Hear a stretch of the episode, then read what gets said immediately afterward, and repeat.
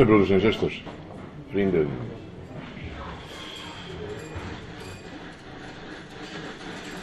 Ik heb hem meegenomen om u te laten zien, ook aan de- deze morgen, daar een, eh, iets over te zeggen. En het is helemaal geen gemakkelijk onderwerp, of een beetje zwaar onderwerp voor een zondagmorgen. Denkt u niet? Over de heiligheid van God te spreken, wees heilig, want ik ben heilig. Dat is nou niet een thema waar je op zondagmorgen gelijk gelukkig van wordt. Maar wees niet bang, wees niet bang, wees niet bang. Maar het is soms toch wel goed om ook over dit soort thema's met elkaar na te denken. Wat, kunnen wij, wat stellen wij ons voor bij de heiligheid van God? Dit is een tekst uit het Oude Testament. Wees heilig, want ik ben heilig. Leviticus 11. We gaan er zo meteen nog iets uit lezen.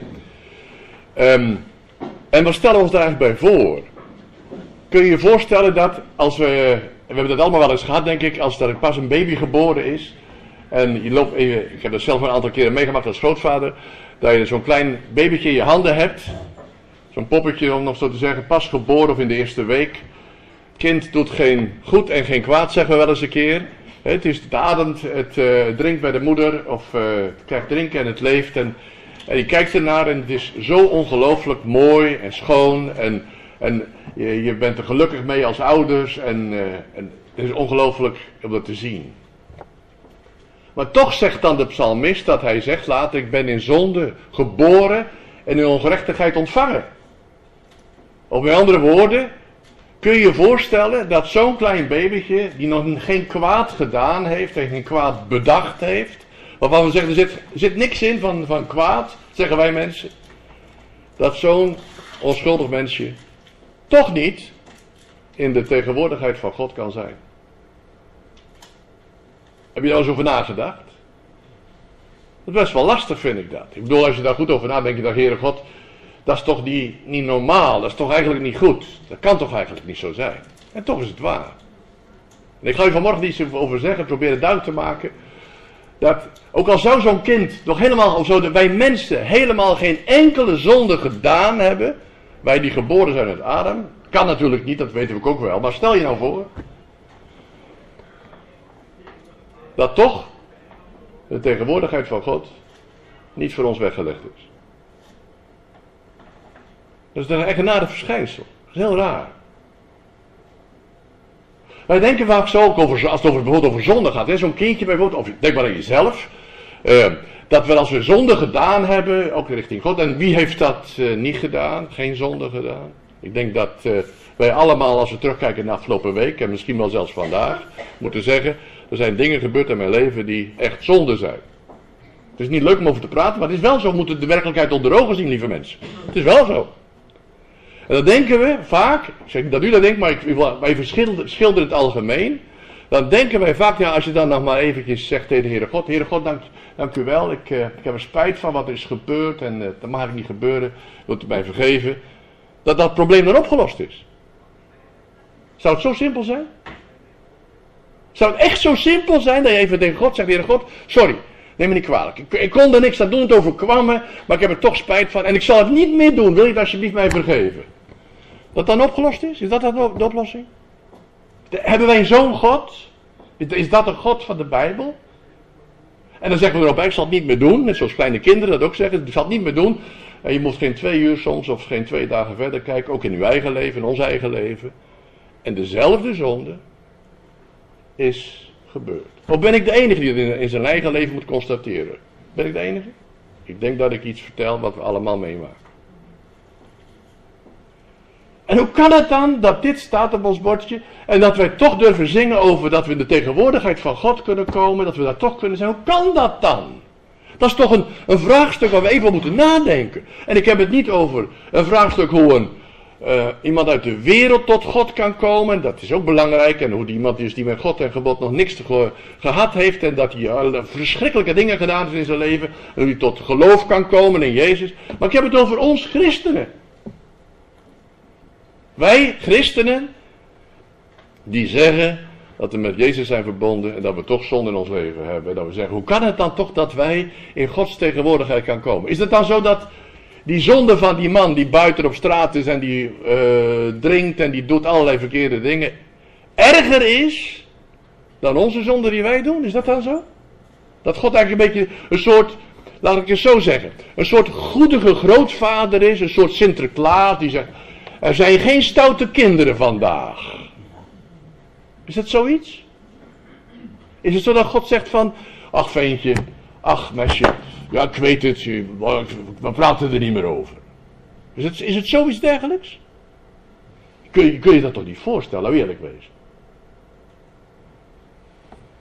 Ik wil het dus toch even hebben over de heiligheid van God met elkaar, vanmorgen. Zomaar een kort momentje. Even nadenken hoe het toch mogelijk is, want dat is de uitkomst van deze toespraak, wil ik dat duidelijk tegen u zeggen. Ik ga u de uitkomst al verklappen. Dat het toch mogelijk is. En toch, wees heilig, want ik ben heilig. Waar gaan we het over hebben vanmorgen, even kort? Ik wil eigenlijk over een paar puntjes om even te praten. God is heilig. Ik denk dat we daar vrij snel over eens zijn. Ja? En ook het feit van dat we kunnen zeggen. Even hier. Nou. God, eh, God is heilig. En wie kan wonen bij God? Dat is de volgende situatie waar we even over moeten praten met elkaar. En, en wat is dan de boodschap van Jezus dan precies geweest? Want ja, eh, Jezus speelt dat toch ook nog een bepaalde rol in, of denkt u niet? Dat zal toch wel zo zijn, hè? En wat is onze conclusie daar dan ook uit? En, en wat is Gods antwoord nou geweest op de onheiligheid van de mens? Let wel, wat is Gods antwoord op de onheiligheid van mensen? En wat is, daar komt het voor ons, ons antwoord op onze, en dat staat niet verkeerd hoor, op onze heiligheid. Wat is ons antwoord op onze heiligheid? Nou, we gaan er iets over lezen, leren van we laat ik beginnen met eerst eens even te lezen, en u mag die tekst opschrijven, u moet thuis maar anders even eh, nalezen, uit Leviticus hoofdstuk 11 waar we heel nadrukkelijk lezen. En de 11 vers 44 staat op het bord, u kunt meelezen, u mag het opzoeken natuurlijk. Anders schrijf je het maar even op, maar vanwege de tijd moet ik een beetje snel gaan. In Leviticus 11 vers 44 daar lezen we, want ik ben de Heer uw God. Daarom zult gij u heiligen, omdat gij heilig zijt, want ik ben heilig. En gij gij zult uw zielen, sorry, ik ben, kijk, zo moet ik het laten, neem niet kwalijk. Ja, want, ehm Gij zult uw zielen niet verontreinigen door enig kruipend gedierte dat zich op de aarde roert. Want ik ben de Heer die u uit Egypteland gevoerd hebt, opdat ik uw God zei. Daarom zult gij heilig zijn, want ik ben heilig. Nou, dat is Leviticus 11. Kun je zeggen, Leviticus. Nou, nog een vers uit Leviticus 11, 19. Spreek tot heel de gemeenschap van de Israëlieten en zeg tegen hen, heilig moet u zijn, want ik, de Heere, uw God, ben heilig. Maar wij geloven nog steeds in dezezelfde God, of niet soms? En wat vindt u van Leviticus 20, de onderste regel? Hè? U moet heilig voor mij zijn, want ik, de Heer, ben heilig. Ik heb u van uw volken afgezonderd om van mij te zijn. Een drievoudig statement dat Gods heiligheid heel belangrijk is. En wat denkt u van deze uit uh, hoofdstuk 6? U kent ook wel die geschiedenis uit Jesaja 6, hè, van, van Jesaja die daarbij die, die troon ziet van God. Zoekt u maar op als u bent even thuis bent of anders mag u nu meelezen. In het jaar van toen koning Uzia stierf, zag ik de Here. En dan gaan we door naar vers 3. Dan lezen we in vers 3. En, en, en de een riep de ander toe, die engelen. En sprak, heilig, heilig, heilig is de Heer Zebaot. Alle landen zijn vol van zijn eer. Heiligheid van God. En wat denkt u van deze, die we hier vinden, uit Habakkuk 1? Even kijken of die nou doet, ja. We lezen nou Habakkuk 1 vers 13, dan gaan we nog een stapje verder. Dan lezen we, u bent rein van ogen om het kwade te zien. Denkt u even over na? Gods ogen, Gods wezen is te rein dat hij nog maar het kwaad kan zien. Nog niet eens contact mee heeft, maar kan zien. En u begrijpt wel, dit zijn geen statements die nou zeggen een stukje beeldspraak is. Ik kan me voorstellen dat u soms denkt in de buien dat er beeldspraak is. Maar dat is natuurlijk hier niet. Dat zijn duidelijke uitspraken. God is te heilig dat hij de zonde maar de gerechtigheid kan zien. Het kwaad nog maar kan zien. Nogmaals, het is geen fijne boodschap, maar het is ook de Bijbel. We zullen daar toch rekenschap van moeten geven, of niet zo?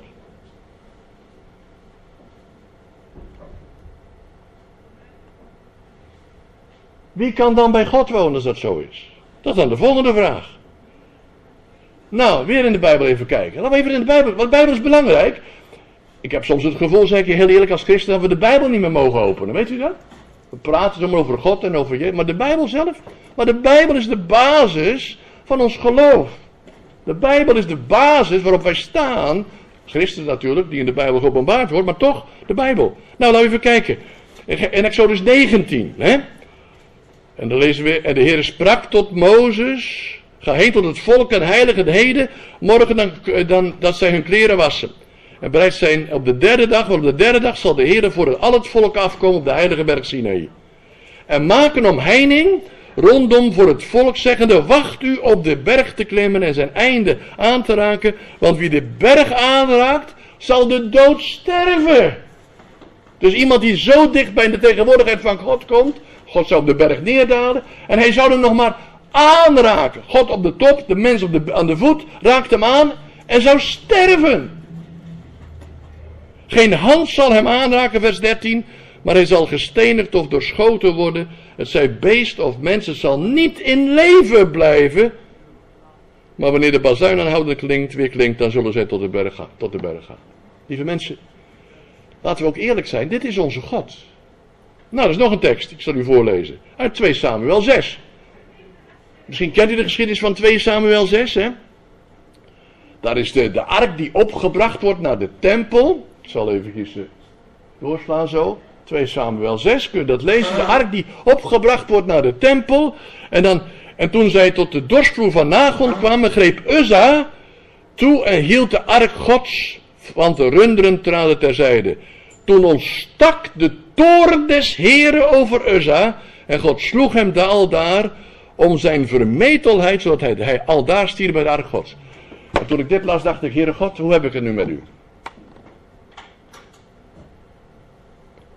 Hoe, hoe, hoe is het mogelijk?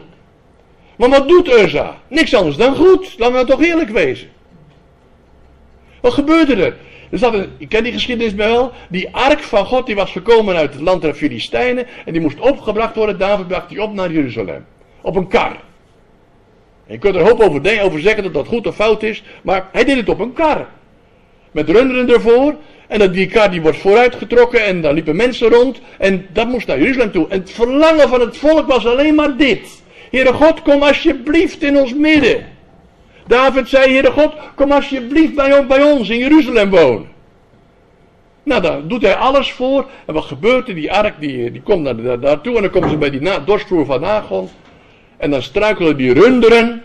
En dan dreigt die ark van God, dat is een symbool van Gods tegenwoordigheid, die dreigt van die kar af te komen.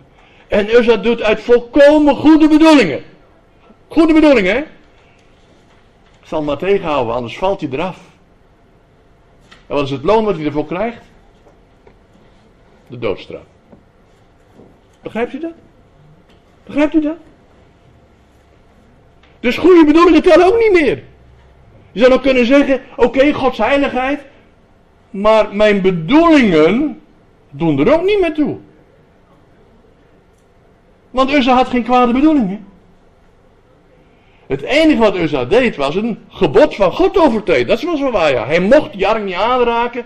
Dan mocht niemand, zelfs de hoge priester niet. Want de priesters moesten het dragen op die draagstok. Ze mochten die ark niet aanraken. Maar hij deed het om voor bestwil. En dan toch. Zou we naar huis gaan, lieve mensen? Bedoel, je wordt toch een beetje angstig van, of niet soms? Daar wordt, wordt toch een beetje angstig van, van dit soort dingen? Als je, dat toch, als je dit met elkaar samen leest. Wie kan er dan toch in de tegenwoordigheid van God wonen? Ik, ik heb soms het gevoel dat we daar wel eens een beetje te gemakkelijk over praten. We hebben ook niet, als je nou dit leest, dan denk je, we doen er toch wel wat gemakkelijk over. Hier nog zo een. Uit de psalmen. Ja? Een psalm van David. Here, wie zal verblijven in uw tent? Nou, vraag van David, toch te rechtvaardig? Wie zal wonen op uw heilige berg? Hij die oprecht wandelt en gerechtigheid beoefent, die met zijn hart de waarheid spreekt, die met zijn tong niet lastert, zijn vrienden geen kwaad doet en geen smaad tegen zijn naast op de lippen neemt. In zijn ogen is de verworpene veracht, maar wie de Heerde vrezen eert hij. Hij heeft gezworen tot zijn schade, zijn eed verandert hij evenwel niet, enzovoort, enzovoort. Zijn geld leent hij niet uit tegen rente, en geschenkt ten nadele van onschuldigen aanvaardt hij niet. Wie kan hier voldoen aan deze voorwaarden? Komt u maar naar voren als u wil. Wie kan voldoen? Ik ga gewoon gaan zitten, zeg ik u heel eerlijk als ik dit, als ik dit lees. Ik ben eh, al heel lang christen, door Gods genade al meer dan 50 jaar. En in die 50 jaar is, kan ik gaan geen een van deze dingen zeggen, dat heb ik, heb ik, eh, ben ik niet schuldig aan. Maar geen enkel. U? Die kan er dan in Gods tegenwoordigheid wonen. Laten we toch, laten we toch een klein beetje, hoe zal ik nou zeggen? Eerlijk worden bij elkaar.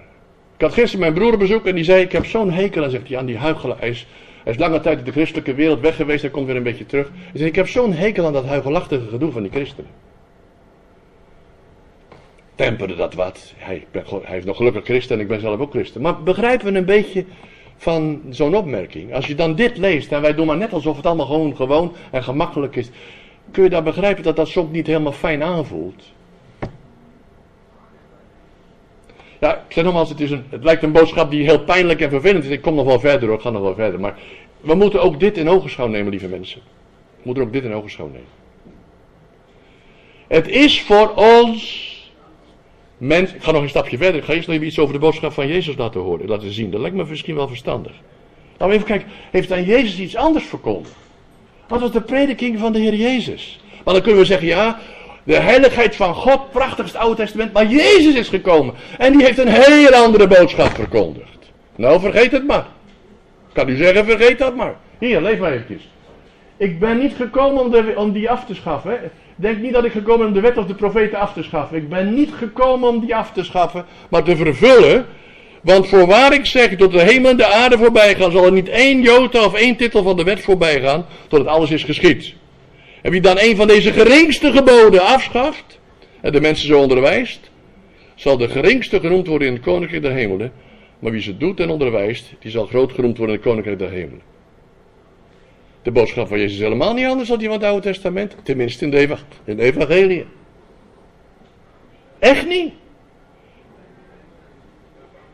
Hij preekte heel nadrukkelijk over een oog, over een oog als hij die irriteert, dan moet je die uittrekken. Ja, of een, arm die, eh, hand die afgehakt moet worden, dan, omdat die neigt tot stelen of zo, tot dingen te doen die niet goed zijn. Ja, zeggen wij dan, wij theologen, wij christelijke theologen zeggen, dat is beeldspraak. Ho, ho, ho, ho, wacht even. Wie zegt dat dat een beeldspraak is? Nee, heeft me de Heer maakt duidelijk. Als die hand steeds lijkt tot, tot het overtreden van de wet, dan moet je die afhakken. Je moet voorkomen dat er gebeurt. Want je kunt niet met die zonden in de tegenwoordigheid van God komen. Dat is de achtergrond. De wet van God is scherp en duidelijk. En waakt over de heiligheid van God. En wij wandelen eroverheen alsof het niks is. Is de boodschap van Jezus dan echt zo definitief anders? Nou eens even nadenken, lieve mensen. Hoe serieus zijn de dingen? Het gaat over vraagstukken van leven en dood. In Gods tegenwoordigheid of buiten Gods tegenwoordigheid. Dat zijn dat soort vraagstukken waarvoor we staan. Ik weet wel, in de kerk mag je er niet meer over praten. Het moet allemaal lief en aardig en, en het moet misschien een beetje makkelijk toegankelijk zijn. En we, eh, u begrijpt wat ik bedoel. Maar we praten met elkaar over Gods tegenwoordigheid. En het verlangen van God om u en mij in zijn tegenwoordigheid te hebben. En de onmogelijkheid dat dat is, dat er is. Want we zijn zo verschrikkelijk zondig. En God is zo verschrikkelijk heilig. Dat dat niet te combineren valt. Laten we daar even duidelijk tegen elkaar zeggen. Het valt niet te combineren.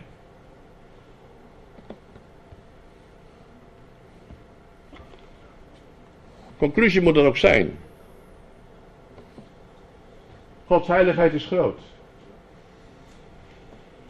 De mens kan niet bij God wonen. Triest, maar het is zo. En denk niet dat de Jezus boodschap een oplossing biedt wat hij zegt.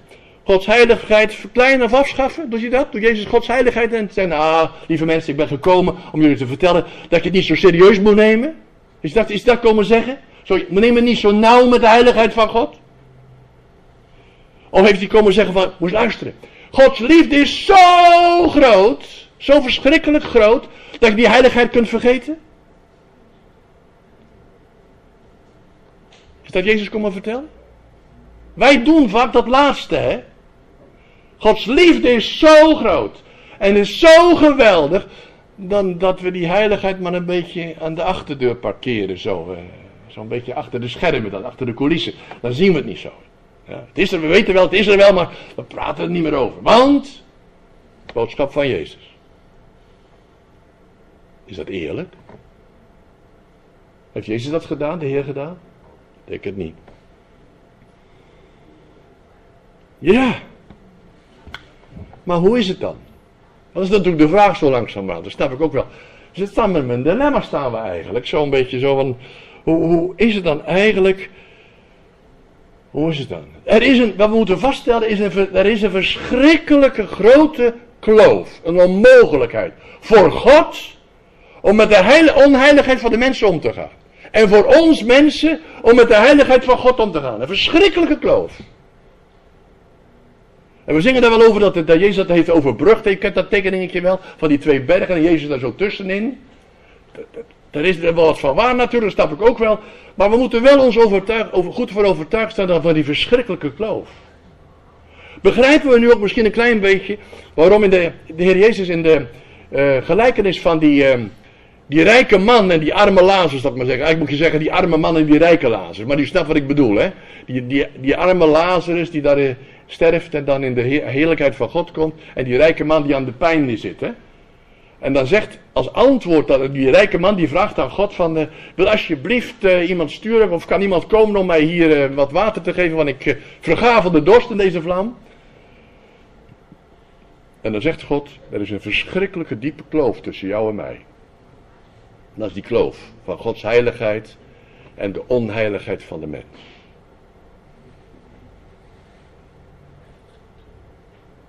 Ik zeg heel eerlijk, ook weer over nadenken, wordt me weer aangrijpt. Hoe ver wij mensen van God zijn afgeraakt. Wat er gebeurd is in het paradijs in het Hof van Eden. Wat er precies gebeurd is. Door het eten van een, nou ja, wat, wat voor vruchten zal het zijn, laten we het er maar niet over hebben nu. Maar dat, hoe dat, hoe dat, wat er gebeurd is. Dat is niet alleen maar het eten van, de, van die appel of die peer of wat weet ik wat het is. Dat is dat niet alleen maar. Daar is veel meer. Wat is het antwoord? Hoe lossen we het op? Nou, laten we maar hier tegen elkaar zeggen. Wij mensen lossen dat niet op. Wij christenen lossen dat niet op, dat probleem. En denk niet dat uw goede daden, die u doet, ongetwijfeld, iets kunnen bijdoen aan uw, iets kunnen afdoen van uw eigen onheiligheid. Begrijpt u dat?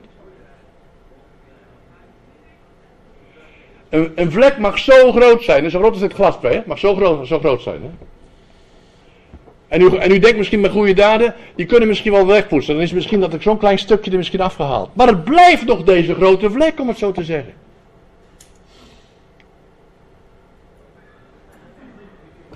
Juist het boek Jezaja maakt duidelijk. Moet je maar eens lezen over die vlek van die, pen, van die panter. Hè? En die vlekken van een, van een dier, dat die niet weggepoetst kunnen worden. Het kan er bij ons niet uit, lieve mensen. Wij zijn ongerechtigheid. Wij zijn in zonde en ongerechtigheid geboren. Kleine kindje, denk er maar aan. En u bent misschien heel wat ouder, en ik zeker, en heel wat ouder. En het is duidelijk geworden in mijn leven, en duidelijk geworden in uw leven, dat u gewoon, en sorry dat ik het zo helder en duidelijk zeg, en ik beschuldig niemand, maar we zijn allemaal ziek aan dezelfde ziekte, rot en verrot van binnen zijn. En God kan er niks meer mee, zelfs zover is het. God kan er niks meer mee met uw eh, rottigheid van binnen. Het is hem onmogelijk om dat aan te veranderen. Weet u dat? Een harde boodschap, ik weet het. Het is een harde boodschap. Maar het is de werkelijkheid, lieve mensen. Het is de werkelijkheid dat God er niets meer mee kan. Hij kan u niet verbeteren zoals u bent gekomen uit Adam en Eva. Ik ga u het duidelijk maken zo hoor. Het is onmogelijk. Maar prijs God nu. Ik kom met de boodschap hoor. Ik prijs God. Dat Hij een oplossing heeft gevonden. Weet u dat? Een totaal radicale nieuwe oplossing die wij niet konden bedenken. Maar die Hij uit heeft bedacht. En dat is niet die machtige God waarover we zongen, die alles kan. En die vervolgens dan maar heeft gezegd, kom we gaan het, dat leven van die mensen gewoon veranderen. We gaan er wat aan sleutelen, we gaan er wat allemaal doen. Weet wat God zegt? Er is maar één grote ding wat we moeten doen. De dood erover. Voorbij. Triest. Ik weet wel, ik sla alle hoop in de bodem misschien bij sommige mensen. Want ik kan misschien nog wat verbeteren. Ik kan misschien nog wat betekenen voor God. Forget it.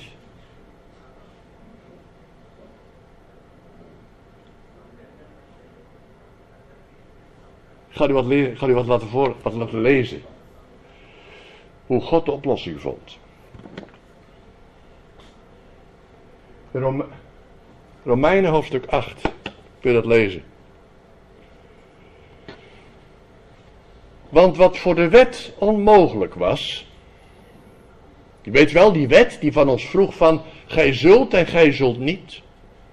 Je mag dit en je mag dat niet. Wat voor de wet onmogelijk was, die kon ons niet verbeteren. Romeinen 8 vers 1.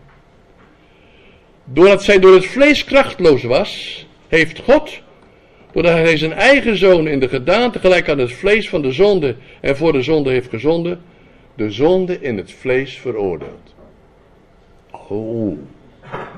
God zond zijn zoon in het vlees.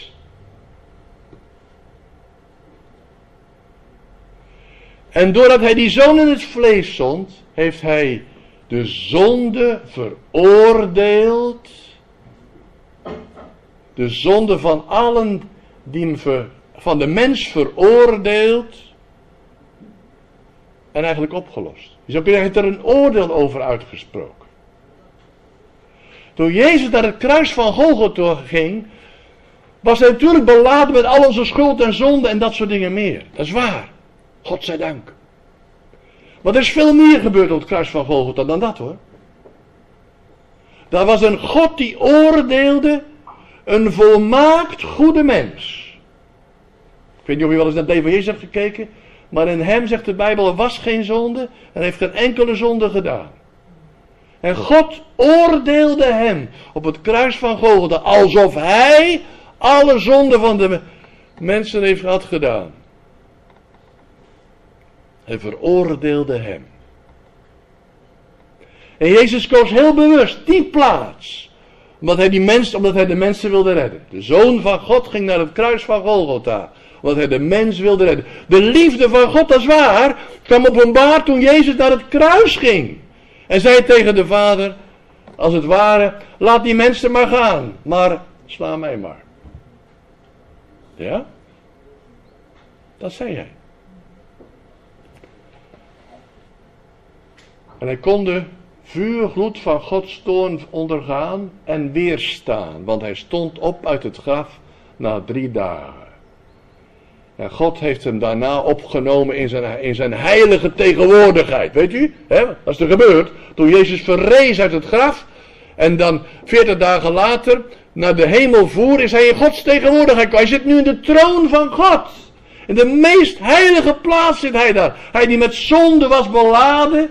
En alle schuld en zonde op zich nam. Is nu in de tegenwoordigheid van God. En wordt daar niet geweerd. Dat betekent. Jezus heeft de straf, heeft het oordeel volkomen gedragen. En er is geen zonde meer in hem, ook nu niet. Gods tegenwoordigheid heeft hem geaccepteerd. Moet over nadenken. De mens, geboren uit de maagd Maria, hier op aarde goed geleefd, heeft Beladen met schuld en zonde de straf van de mens gedragen op Golgotha's kruis. Hij, was het, hij is tot zonde gemaakt, zegt de Bijbel in 2 Korinthe hoofdstuk 5. Tot zonde gemaakt. En vervolgens staat hij op uit dood en graf, volmaakt rein. En gaat als bewijs daarvan in de meest heilige plaats, de troon van God in. En hij wordt daar begroet met als het ware met een halleluja. Kun je lezen in Hebreeën hoofdstuk 8. Een geweldig iets. Een mens, een mens in de tegenwoordigheid van God. Jezus. Houd dat vast.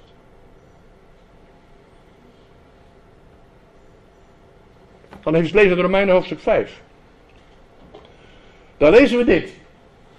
Zoals dus door één overtreding tot alle mensen tot veroordeling strekt, zo strekt het door één gerechtigheid tot alle mensen tot rechtvaardiging van het leven. Want zoals door de ongehoorzaamheid van de ene mens de velen tot zondaars zijn gesteld, zo zullen ook door de gehoorzaamheid van de ene de velen tot rechtvaardigen gesteld worden. Nou, dit is theologie van de bovenste plank zou je kunnen zeggen. Wat staat hier nou precies? Romeinen 5 wordt een, iets wat u ook gewoon kunt lezen, vers 18 en 19. Er staat dit. Dus door de, overtreding, door de overtreding van één iemand, door één overtreding. Wie's overtreding is dat hier? Ik denk dat dat simpel en duidelijk is, dat is Adam en Eva. Zeg maar Adam. Zijn alle mensen, is alle mensen tot veroordeling. Dat bedoelde ik te zeggen met dat babytje. Is geboren uit Adam en Eva. Ja, via, via een hele lange lijn, maar toch uiteindelijk wel. Ja? En het is tot veroordeling. Zo strekt, zo strekt door, door één gerechtigheid. Wie is die ene gerechtigheid? Dat is wat Jezus heeft gedaan. Tot alle mensen tot rechtvaardiging van het leven. Of zoals vers 19 zegt, zegt door de ongehoorzaamheid van de ene, ene Adam overtrad het gebod van God. En daardoor werd het hele geslacht van Adam zondaars. En was het veroordeling. Zo is door de gerechtigheid, gehoorzaamheid van de ene, Jezus, de velen die uit Christus zijn geboren, worden geboren tot rechtvaardiging. Snapt u nou waarom je wederom geboren moet worden? Snapt u nu nou dat het hele nageslag van Adam verloren zal gaan? Tenzij er wederom geboorte is. Een nieuwe geboorte, een nieuw leven is gekomen. God heeft gezegd dat oude aan de kant ermee. Ik kan er toch niks meer mee. De wet kon er niks mee. Nou, als, ik dan, als de wet er niks mee kan, wat kan er dan nog helpen? Niks meer. Nou zegt God, een nieuwe geboorte. Een nieuwe mens. Jezus werd mens. Tot rechtvaardiging van mensen. Ja? Allen die met Christus zijn verbonden, hoe dan?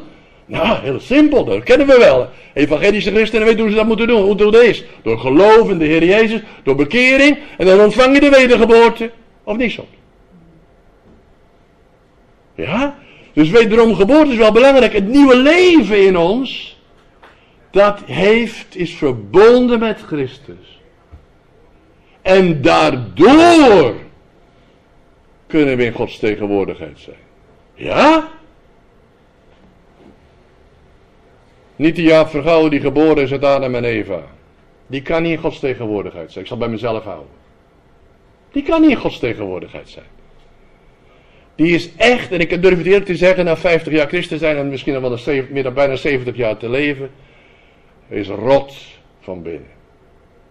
En ik sta soms verbaasd over de gedachten en gevoelens die in mijn leven kunnen bovenkomen. En ik dacht van, dat kan toch niet?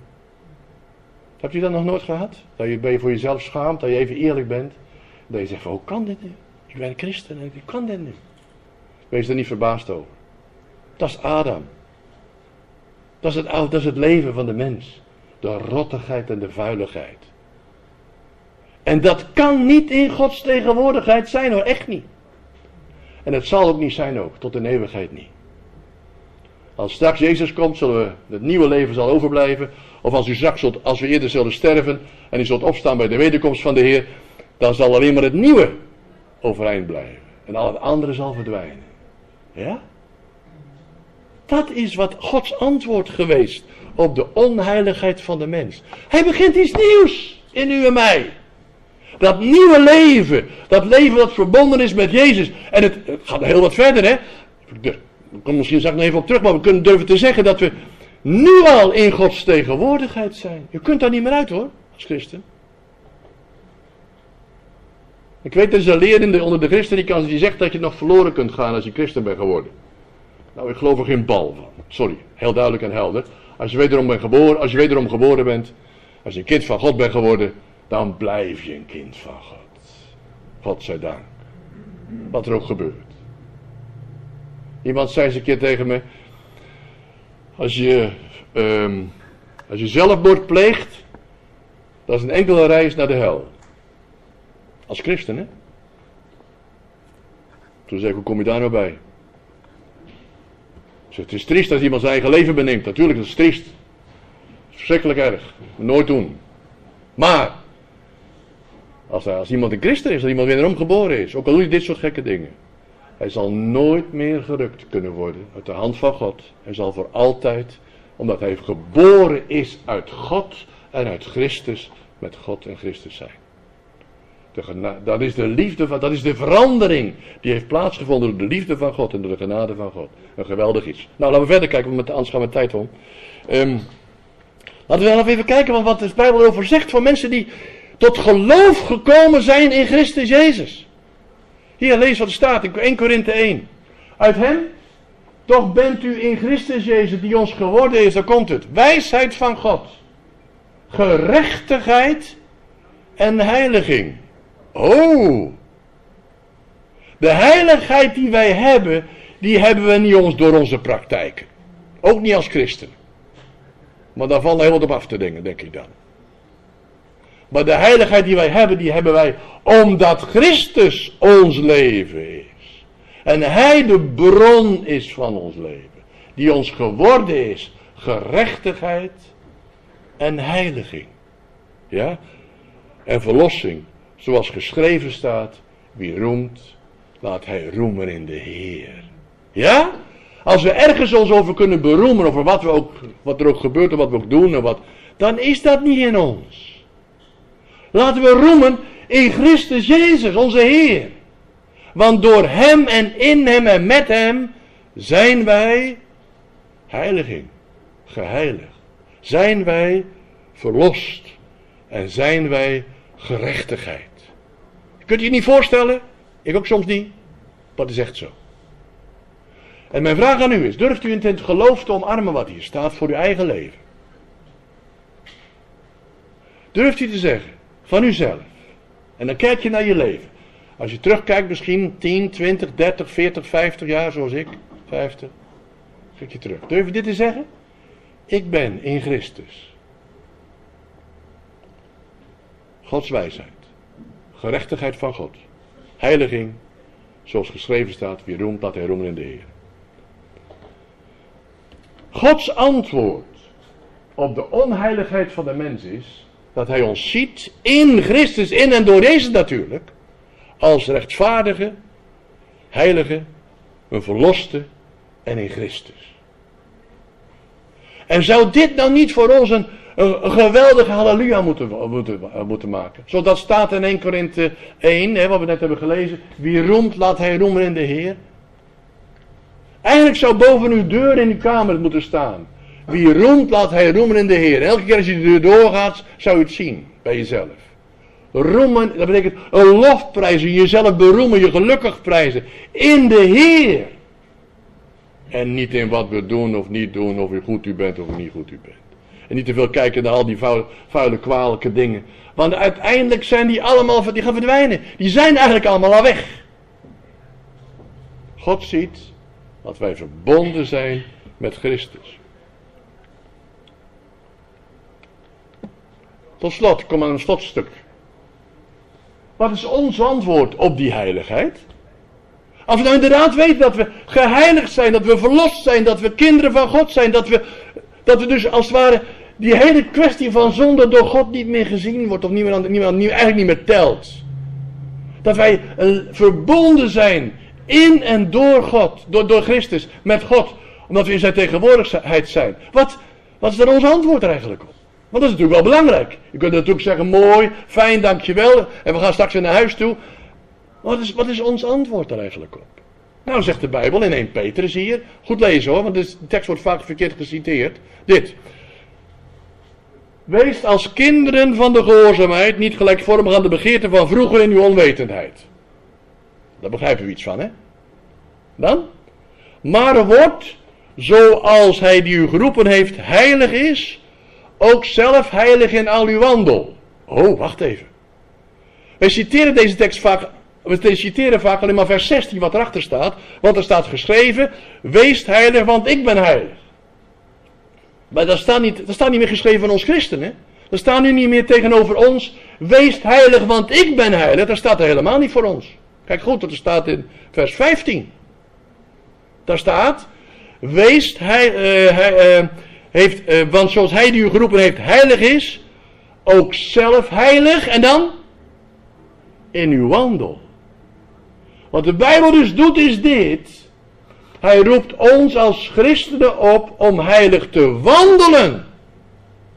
Hij roept ons niet op om heilig te zijn, want dat zijn we al lang. We zijn door de wedergeboorte, door de verbondenheid met Jezus, zijn we heilig. Amen.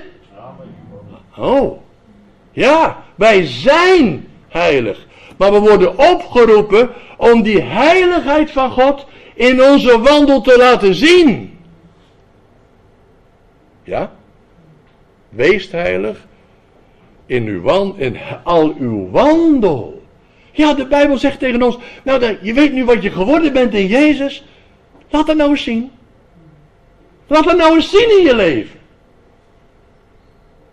Niet van, ik moet nog heilig worden. En we moeten nog aan werken, alle mogelijke heiligheid en gerechtigheid. Daar hoeft niet meer aan gewerkt te worden. U kunt niks toevoegen aan het werk van Jezus. Ja? Daar kunnen we niks aan toevoegen. Als u dat denkt om wat aan kunnen toevoegen, dan kleineer je het werk van Christus, weet u dat? Want dan denk je, Jezus heeft niet voldoende gedaan, dus moet ik nog een beetje aan toevoegen.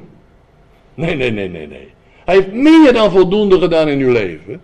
U bent heilig, u bent volmaakt, u bent een kind van God. U bent door het geloof gerechtvaardigd, zegt de Bijbel. Allemaal. Laat dat nu zien. Wees heilig in al uw wandel. Nou nog iets anders. Uit Hebreeën hoofdstuk 12 kunnen we lezen dit. Laten wij dus, daar wij een onwankelbaar koninkrijk ontvangen, de genade vasthouden. En laten wij daardoor, door wat? Door die genade, God dienen. Op een hem welbehagelijke wijze, met eerbied en ontzag. En dan? Want ook onze God is een verterend vuur. Ik had eigenlijk met deze tekst vanmorgen willen beginnen, maar het is niet, ik heb het niet gedaan. Maar weet u, lieve mensen, het is een geweldige genade van God dat wij zo verbonden zijn met Jezus. Weet u dat? Toen u tot geloof bent gekomen in de Heer Jezus, heeft God in zijn oneindige liefde zich over ons ontfermd. Toen we tot wedergeboorte zijn gekomen en het nieuwe leven bij ons is begonnen, misschien wel, voor mij is dat meer dan 50 jaar geleden, voor u misschien is dat wat korter, is dat een enorme, laten we zeggen, betoon van de liefde van God geweest. Dat je tot geloof kon komen. Dat je de boodschap van Gods heil hebt gehoord. Ja? En toen is er definitief, fundamenteel iets veranderd in je leven. Toen is Gods leven in jou gekomen. Het nieuwe leven is in jou gekomen. En dan gaat het leven beginnen en dan zeggen wij ja, prachtig en mooi, maar dan kunnen we nog dit doen. En dan doen we allerlei, willen we dingen aan toevoegen, want we vinden het dan niet goed genoeg. We gaan ons een beetje heiliger voorstellen. Je gaat bijvoorbeeld, ik hoorde bijvoorbeeld van iemand die zegt van als je koffie drinkt, dan ga je zeker verloren. Dus dan ga je geen koffie meer drinken. Of in landen waar ik kom, bijvoorbeeld in Afrika, als je een, een glas wijn drinkt, christenen kunnen dat niet doen, dan ga je verloren. Nou, ik denk dat we ons allemaal hier dan... eh, in Vlaanderen en, en, en Frankrijk en Nederland kun je het wel op je buik schrijven, om zo te zeggen. Dat kun je wel vergeten. Dat is natuurlijk niet waar. We denken dat we daar heiliger worden. Hè? Als je geen wijn drinkt of geen koffie. Of, nou, je kunt nog andere dingen verzinnen. Hè? Of dat je bepaalde kleding aandoet, dan word je heiliger. Nee, helemaal niet. U bent niet heiliger door uw gedrag, daar word je niet heiliger van. Alleen maar kun je heiligheid, heiligheid tonen door bepaalde dingen te doen en dingen na te laten. Ja? Maar we zijn geheiligd in Christus. Dat is een genade van God. En laten we vanuit die genade van God leven, lieve mensen. Dat is wat hier staat. En als je denkt dat je dat aan de kant kan schuiven, dat gebeurde bij de Hebreeën. Dan zegt God, wacht eens even. Als je denkt dat die genade van God aan de kant kunt schuiven. Als je denkt dat je dan wat kunt toevoegen aan je heil. Dan komt het op neer. Dan krijg je te maken met een God die een vertierend vuur is. Weet u dat? Dan krijg je daarmee te maken. Maar dan zegt God: Oh ja, denk jij dat jij nou wat kan toevoegen? Laten we eens even samen kijken. Dan gaan de boeken open. En dan gaat God met zijn verterende ogen vol vuur kijken van: Klopt het wel? Kan dat dat wat jij doet beantwoorden aan mijn heilige eisen? En dan blijkt dat niet waar te zijn. Als je aan het eind van de Bijbel komt en de boeken worden daar geopend voor hen die niet tot geloof zijn gekomen. Dat is niet voor u hoor. Die tot geloof is gekomen in de Heer Jezus. In openbaring 22 gaan boeken open. En dat is niet voor christenen, die boeken die daar open gaan. Gelukkig niet, dat doen we ook niet. Want wij hoeven niet meer geoordeeld te worden. Als je het nieuwe leven hebt en je bent kind van God. En je staat daar in de opstanding, dan hoef je niet meer geoordeeld te worden. Wat is dat nou toch? Er is alles is al verdwenen. In en door de dood van Jezus. Amen. Nee, er zijn niet weinig mensen die amen zeggen. Ik begrijp dat wel, ik begrijp dat wel. Maar het is echt waar hoor. Die aan de straks in de grote witte troon staan, daar zijn geen christenen bij. Dat zijn allemaal ongelovigen. En dan worden de boeken geopend. En dan wordt er gezegd, oh ja, je, wil niet wat je hebt niet in Jezus willen geloven. En je hebt niet mijn heil willen aanvaarden. Oké, prima. Dan gaan we eens kijken wat je daden waard zijn voor mij. Ja, dan krijgen we te maken met een verterend vuur. Maar voor ons christenen, lieve mensen, heeft Jezus op Golgotha's kruis dat verterende vuur van God over jou en, over jou en mijn daden verdragen. Ja? En daardoor is alles weggedaan. Amen? Ah, nou komt het wel. Maar als dat dan waar is, als Jezus op het kruis van Golgotha alles volbracht heeft en al uw zonden heeft uitgedelgd, is God dan onrechtvaardig, zo onrechtvaardig, dat hij nog een tweede keer uw daden zal beoordelen? Nee hè? Zo is onze God niet. Als Jezus al onze ongerechtigheid heeft uitgedelgd en u hebt hem aanvaard als uw Heer en Heiland, u bent een kind van God geworden, dat gebeurt daardoor.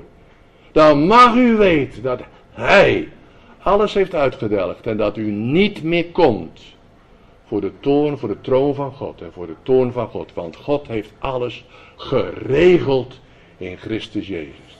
Dat vroeg zijn heiligheid, want hij wist dat u daar niet aan kan voldoen. En hij zegt tegen de mens vandaag aan de dag. Hij zegt tegen de mens vandaag aan de dag. Zegt hij. Kom tot mij. Ik reik je de hand. Zegt God tegen mensen. Ik reik je de hand. Kom tot mij. Ik bied je aan verlossing, vergeving. En ik bied je aan wat je nodig hebt om vervolgens een eeuwig leven in mijn tegenwoordigheid te leven. Jij kunt er niet komen zomaar. Maar ik bied je het aan. En hij zegt, grijp het. In Jezus kun je het grijpen. Grijp het. En je zult behouden zijn. Tot slot wil ik je vragen op te staan. Om samen een ogenblikje aan te denken.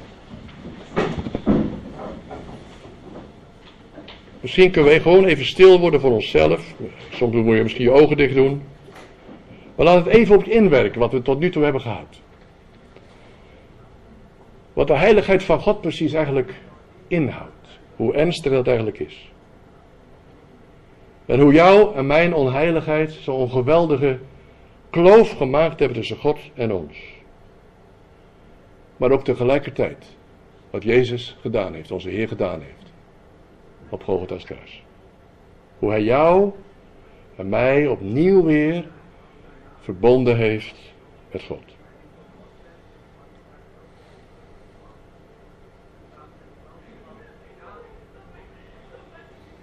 Misschien kun je ook even nadenken over. Wat betekent nou dit dat je dit nu weer voor jezelf ziet. In je leven en in jouw omstandigheden. Wat betekent dit voor jou? Ik bedoel heel persoonlijk. Ik heb het niet over wat het algemeen betekent. Maar heel persoonlijk.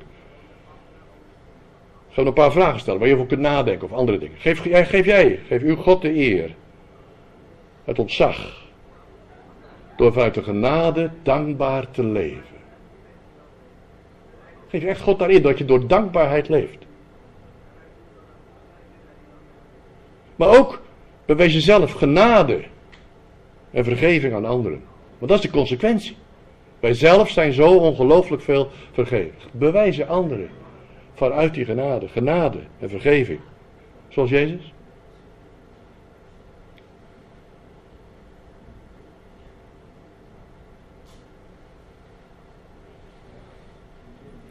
Dan ben je een beetje bewust ervan dat wanneer uh, een andere bron van leven kiest. Dat je dus niet kiest vanuit deze genade te leven. Vanuit deze geweldige zegen van God van het nieuwe leven te leven. Dat je toch te maken krijgt met een God van een verterend vuur.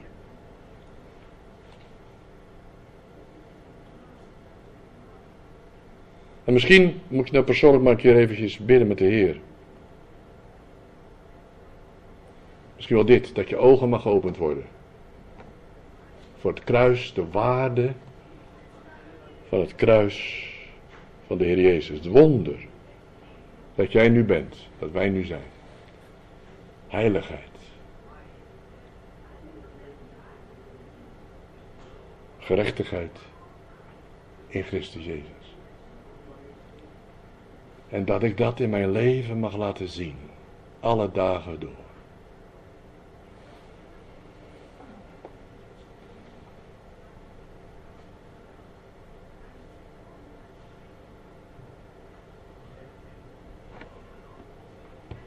Onze God, onze Vader, ik wil u danken dat we deze ogenblikken zo met het werk van de Heer Jezus toch mochten bezien en bezig zijn. En opnieuw weer mochten beseffen hoe geweldig rijk en groot dat werk is. En ik wil u danken, Heer, dat u het initiatief genomen hebt. Dat u de stap gezet hebt door die kloof te overbruggen naar ons mensen toe. Ik wil u prijzen, onze God, voor uw liefde en uw genade die zo ver ging dat u uw eigen zoon niet spaarde om dat te bewerken. En ik wil u prijzen, Heer, dat we nu dat leven van de Heer Jezus hebben. Met Hem voor altijd verbonden zijn. En dat uw tegenwoordigheid, dat niets en niemand meer ons kan scheiden van uw tegenwoordigheid. Wat een geweldig heil. En we prijzen u daarvoor. Dat u daar alles voor hebt gedaan. En we willen opnieuw bidden dat ons leven en onze stappen die we zetten nog zolang we hier op aarde zijn. Dat getuigenis mag hebben. Dat we mogen uitdragen dat we met Christus zijn verbonden. En dat we zijn geworden heiligheid van God, gerechtigheid. En dat ook laten zien en proclameren in deze wereld. Onze God. We prijzen u daarvoor en bidden u om uw genade. En bidden u om kracht door uw Heilige Geest. Om dat in de komende week weer opnieuw waar te maken. Uw naam zij geprezen voor eeuwig. Amen. Ga u zitten.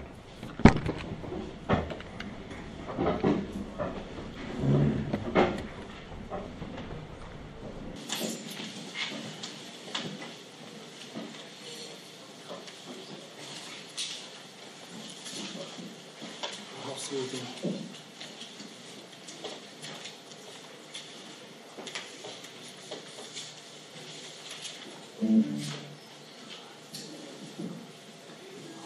We afsluiten met het laatste lied, uw naam.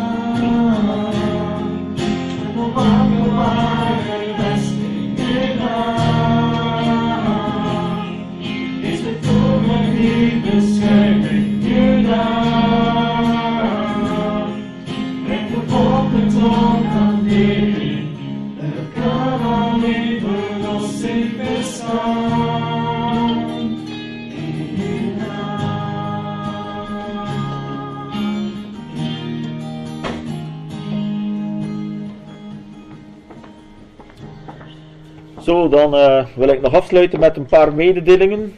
En zoals jullie zien op het groene blaadje, maar ik wil er toch wel nog eventjes de aandacht aan bevestigen dat het morgen terug bidstonde is hier in de kerk. Dus vanaf morgen terug bidstonde in de kerk.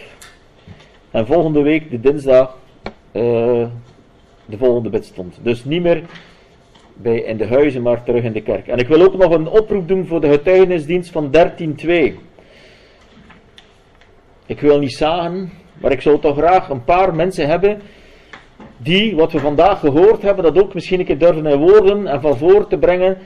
Wat het betekent om een, oh ja, om een kind van God te zijn en die genade en die liefde ook te kunnen verwoorden naar de gemeente, zodat wij op de een of andere reden ook mogen bemoedigd zijn. Het is soms moeilijk om mensen te vinden die durven te getuigen, maar ik denk dat we toch allemaal op de een of andere manier toch ervaring van Gods genade en Gods liefde mogen hebben ervaren en dat ook kunnen mededelen naar de gemeente. Dus ik, ik vraag om, als je echt op het op je hart legt, om dat door te geven aan mij. En aansluitend op 13.2 is er ook de kinderopdracht van Joshua, het zoontje van Charles en Josephine. En daarna wordt er ook een receptie aangeboden door de gemeente. De nieuwjaarsreceptie in februari.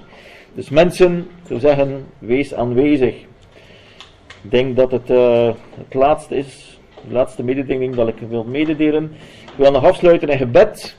En uh, jullie allemaal een fijne week toewensen. Vader, we danken u, Heer, dat we inderdaad een machtig God hebben. En dat wij inderdaad verlossing hebben door Jezus Christus onze Heer. Dat we in genade mogen wandelen, dat we heilig zijn voor uw naam, Heer. En dat we dat ook in onze dagelijkse leven wandelen ook mogen leren. Om te wandelen in die heiligheid, Heer. En u daarvoor te danken, omdat u onze God bent. Heer, wilt u ons leren te wandelen in geloof en te zien op u. Wilt u ons ook de komende week zegenen, Heer. Wilt u ons begoeden en bewaren. En mogen we inderdaad ja, van uw liefde ook getuigen. Thuis, op het werk, of waar we ook mogen zijn, Heer. Dat de mensen mogen aangesproken worden van uw oneindige grote liefde voor de mens. En dat we alleen verlossing hebben in Jezus Christus onze Heer. Dank u wel daarvoor. In Jezus' naam. Amen. Dan wens ik jullie allemaal nog een fijne zondag.